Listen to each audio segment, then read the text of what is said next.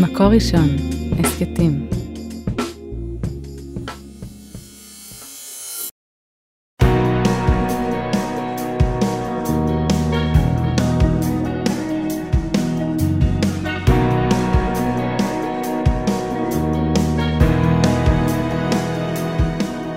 שלום הרבנית שירה מרילי מירביס. שלום הרבנית חמוטל שובל.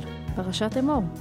פרשת אמור, חיים של קודש וחול, של טומאה וטהרה, של כהנים של בני ישראל. כאילו יש לנו כאן, אה, תמיד מעמידים משהו מול משהו, איזושהי היררכיה פנימית. ואז נכנסים לסריית החגים, ככה אחד אחרי השני נותנים לנו את אה, כל הרשימה, ואז מדברים גם על מנורת התמיד ועל המקלל, ומה קורה אה, כשאדם מכה אדם או מכה בהמה. פרשה מאוד מאוד קדושה. ויפה.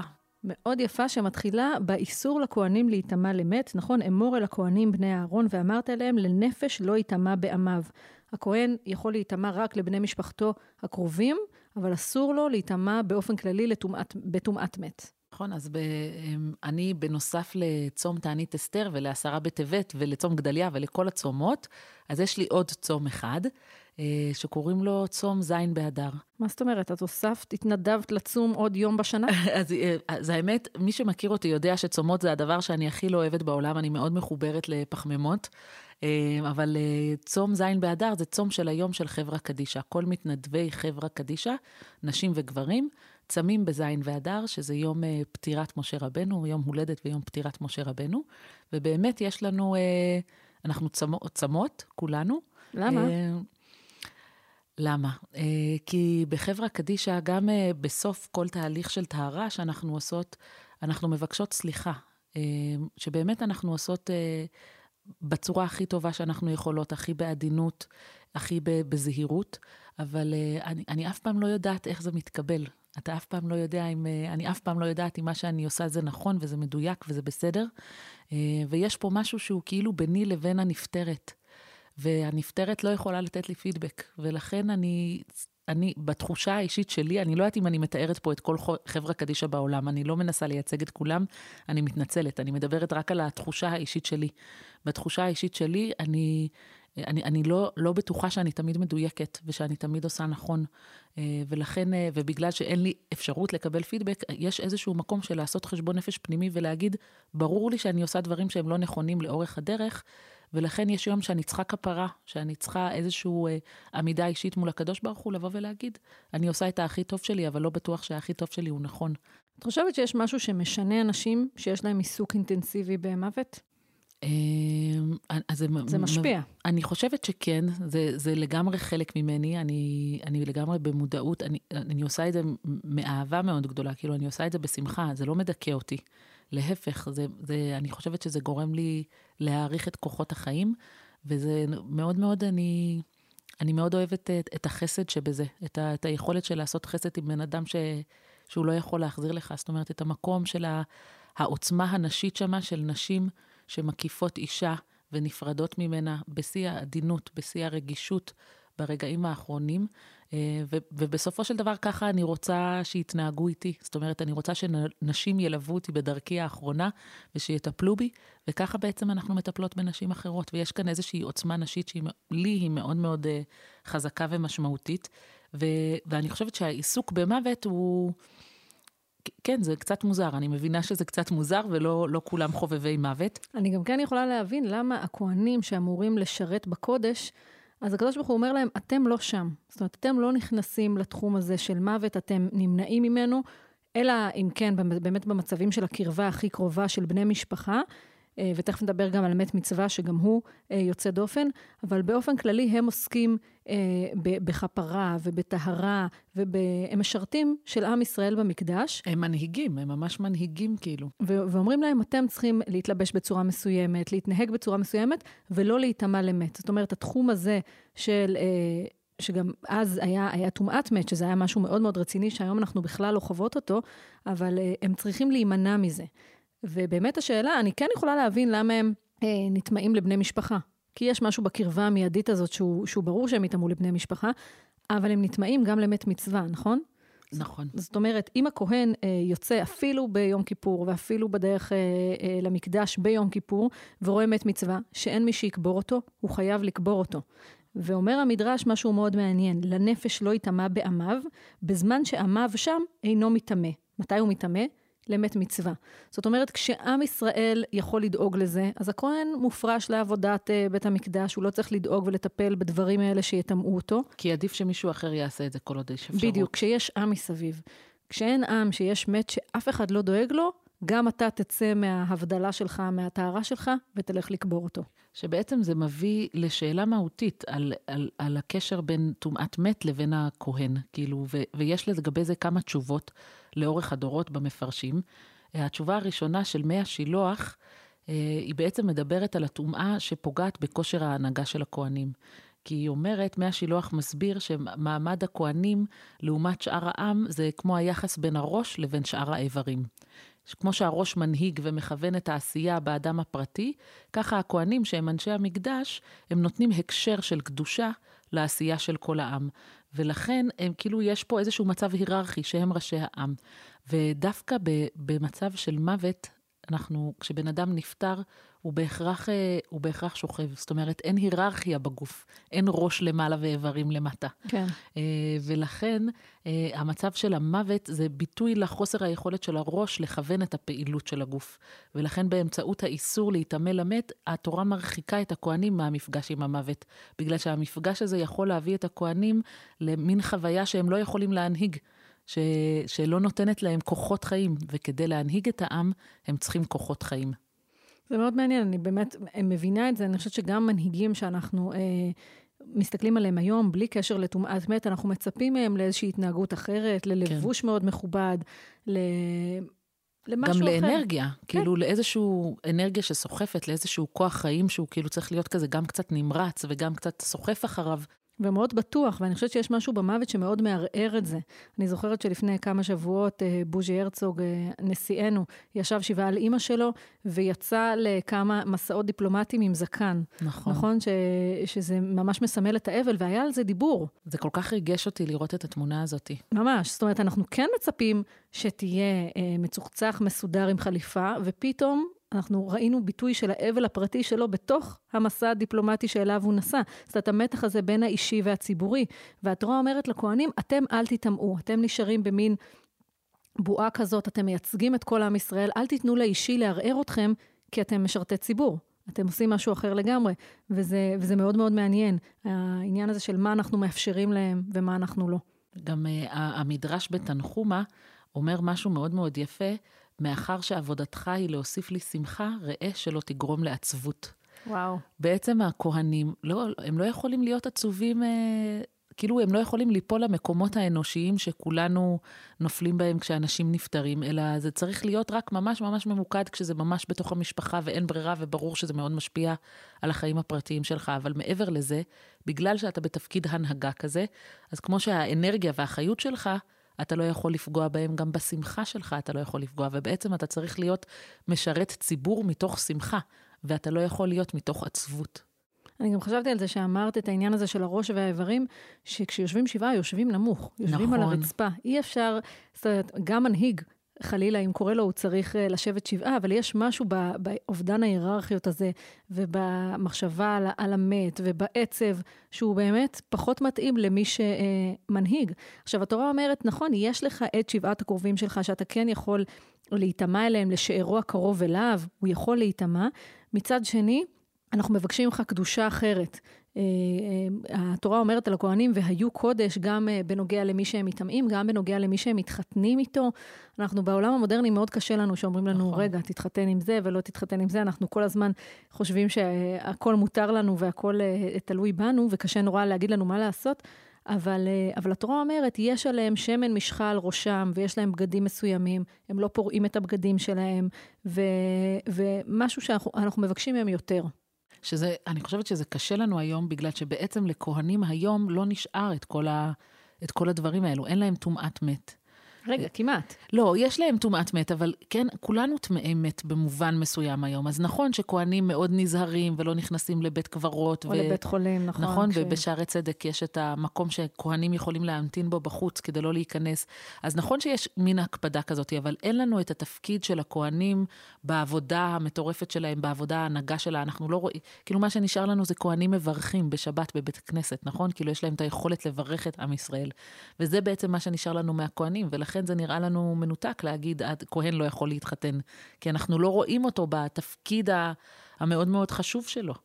אה, השם משמואל גם מדבר על התפקיד של הכהנים, והוא אומר שהתפקיד של הכהנים זה לחבר בין הקדוש ברוך הוא לבין עם ישראל. כאילו לחבר בין, בין עליונים ולתחתונים. ולכן הוא אומר, אה, עניין מיתה הוא פירוד בין הנשמה שהיא מהעליונים לבין הגוף שהוא מהתחתונים. על כן טומאת מת יש בה כוח מפריד. הוא מתנגד לעניין כהן, שהוא המחבר עליונים ותחתונים. ככה כותב השם משמואל לפרשת אמור. בעצם זה, זה סותר את המהות של כהן. כהן המהות שלו זה לחבר בין הקדוש ברוך הוא לבין עם ישראל, ומוות בהכרח, יש פה איזשהו פירוד בין הנשמה לבין הגוף, בין, בין, בין עולם הנשמות, העולם העליון, לבין העולם שלנו המציאותי. ולכן הכהן לא יכול אה, להיכנס למקום הזה בכלל. לפני uh, כמה שבועות, עוד לפני פורים, עוד לפני אפילו חודשים, נכנסתי ממש בשבוע הראשון של חודש אדר למכולת אה, אצלנו אה, בנווה דניאל, ומישהי נכנסה אחריי וניגשה למנהל ואמרה לו, תגיד, הגיעו כבר אה, מוצרים כשרים לפסח? אמרתי לה, את הורגת אותי. את הורגת אותי, אני עוד לא התחלתי לחשוב על איפה אני בסעודת פורים ועל משלוחי מנות. משלוחי מנות, ואת אומרת, מה עם מוצרים כשרים לפסח? אז היא צחקה, אז היא אמרה, לא, עוד לא התחלתי לנקות לפסח, אני פשוט מחפשת מוצרים בלי גלוטן, אז אני מחכה שזה יגיע למכולת. אבל חשבתי על זה, את, את מכירה את האנשים שהם מתוכננים יש להם תוכנית כן. שנתית בראש. אני מלאת קנאה. נכון? זה האמת. הם יודעים איפה הם בשבועות, מה קורה איתם בראש השנה, איפה הם היו לפני שלוש שנים ב- בליל הסדר. הם סגורים על כל הלו"ז של השנה.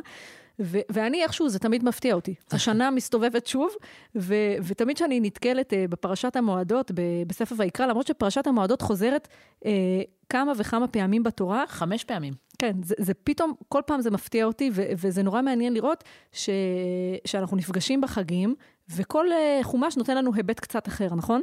כן. בעצם uh, יש לנו בספר במדבר, יש לנו קורבנות מיוחדים, מוספי שבת, מועדים, ראש חודש. בעצם אנחנו מסתכלים על המועדים מנקודת המבט של המשכן, של המקדש, היום של בית כנסת. ובדברים זה איזשהו דגש חברתי ומשפחתי, אנחנו מסתכלים על זה מהצד של המשפחה, uh, שלושת הרגלים שכולם עולים, אתה ובנך ובתך ועבדך. ופה אה, בויקרא יש לנו עיסוק גם בימים נוראים, בראש השנה ויום כיפור, אה, והמקום היחיד שמוזכר אה, מצוות, גם מצוות סוכה וגם מצוות ארבעת המינים, זה פה אצלנו, אבל זה מעניין שאנחנו מדברים על החגים שוב ושוב לאורך החומשים, ו... וחוזרים על זה, וכל פעם לומדים משהו חדש. וגם השאלה שאנחנו צריכים לשאול את עצמנו זה איך יכול להיות ששבת נכנסת לתוך פרשת המועדות. בעצם איך זה יכול להיות, כי שבת הוא, הוא דבר שחוזר על עצמו כל שבוע. וגם כבר דיברנו על, על שבת. וגם, כן, שבת נאמרה בהקשרים אחרים, אז למה עכשיו היא נאמרת בהקשר של המועדות? אה, וה, וה, והעניין פה זה ששבת, יש לה קדושה ישירה מאת, הקדוש ברוך הוא, נכון? הקדוש ברוך הוא בנה את העולם בשישה ימים, ובשבת הוא שבת, ולכן יש פה קדושה של, אה, קדושה ישירה שיורדת לעולם מהקדוש ברוך הוא, ולעומת זאת, במועדים, אנחנו מקדשים אותם. נכון? המועדים, כל העניין זה שיש פה איזשהו חיבור, איזושהי שותפות בין עם ישראל לבין הקדוש ברוך הוא, בקביעה של מתי החג, מתי החג מגיע. נכון, תחשבי על זה שאנחנו חושבות על אנשים שהם חושבים בראש חמישה חודשים קדימה, אבל תחשבי מה קרה לפני אלפיים שנה, שנשות עם ישראל הקדושות היו צריכות uh, לחכות בכיליון עיניים, לראות האם ראש חודש בשלישי או בחמישי, ואז מתי יהיה החג, ומתי יהיה ליל הסדר, ואת מי הם יזמינו. זה הרבה יותר מלחיץ, כשבאמת הקדושה היא בידי אדם, אנחנו קבענו את החודשים. ומתוך כך נגזרו הזמנים של החגים. זה לא כמו להיכנס ל... גוגל אה, קלנדר ולראות מתי החג נופל. נכון, וואו. רש"י נותן משהו אחר בהקשר הזה בין השבת לבין המועדים, אז הוא אומר, ללמדך שכל המחלל את המועדות מעלים עליו כאילו חילל את השבתות, וכל המקיים את המועדות מעלים עליו כאילו קיים את השבתות. זאת אומרת, יש פה קשר שמדגיש עד כמה החגים האלו קדושים. כאילו, ממש כמו קדושת שבת, יש לנו קדושת מועד, ויש קשר ישיר בין השבת לבין המועדים בקדושה שלהם. אז מעניין שהרמב"ן לוקח את זה דווקא לכיוון אחר, והוא מדבר על הפעמים שבהם שבת וחג אה, אה, נופלים יחד, נכון? יש לנו את השנים האלה שהשבת והחג מתאחדים יחד, והוא אומר, כמו שבניית המשכן לא דוחה שבת, גם החג לא דוחה שבת, ואם יש לנו חג שנופל אה, על יום שבת, אסור לעשות עבודה ואפילו אסור לעשות מלאכת אוכל נפש, שאנחנו מרשים לעצמנו לבשל בחגים, וזה אחד מהאופי המיוחד של החג. אז הרמב"ן אומר, רגע, רגע, שנייה, השבת היא ג'וקר.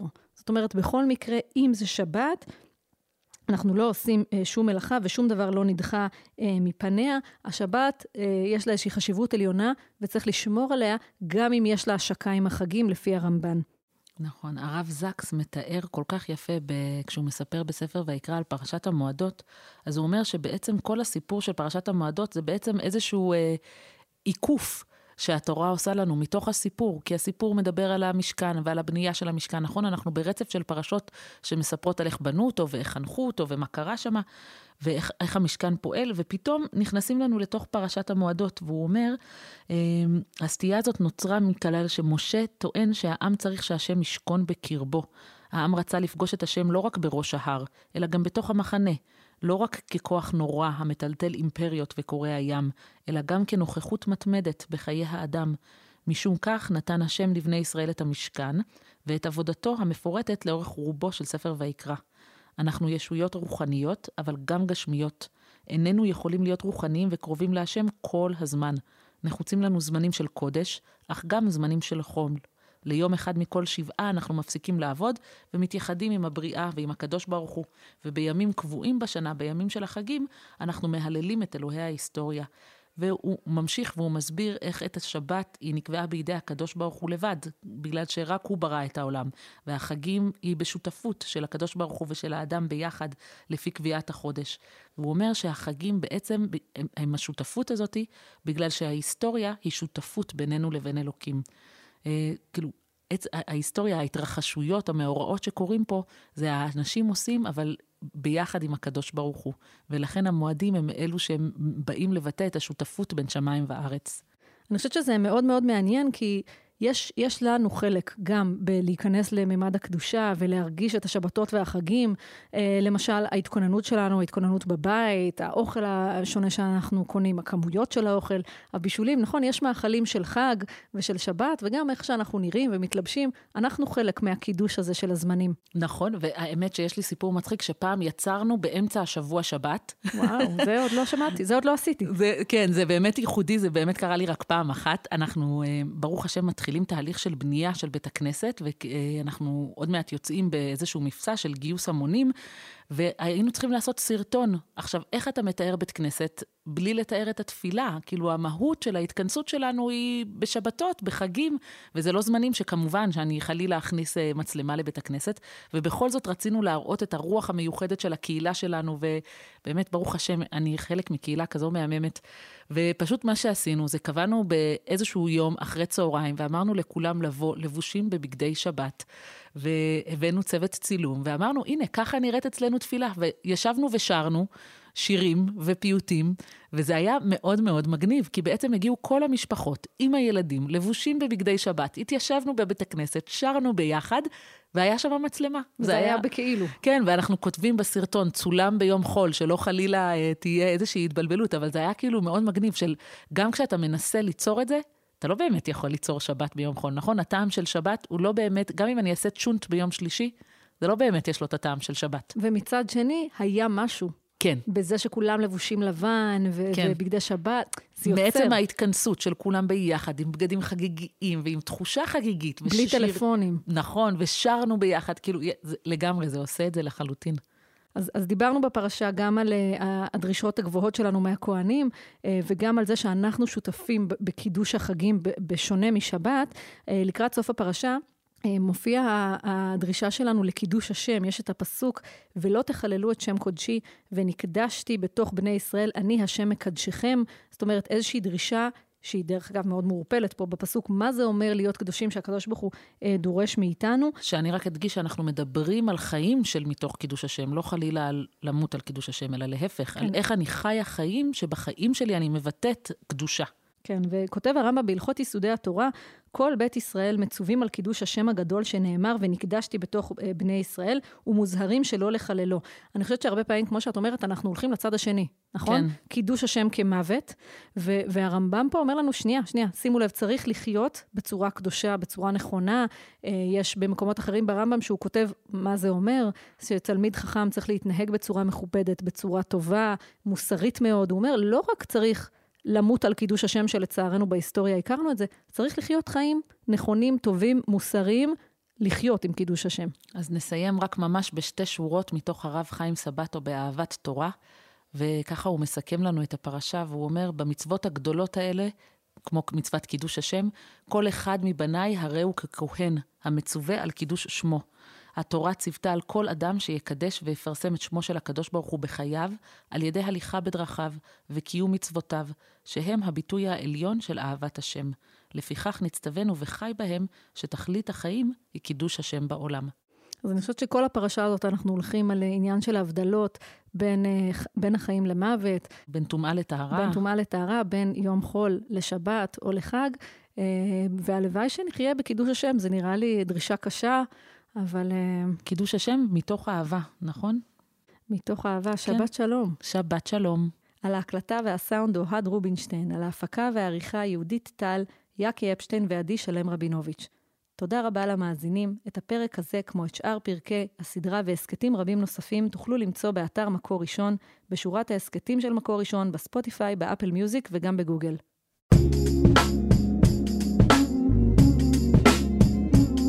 מקור ראשון, הסכתים.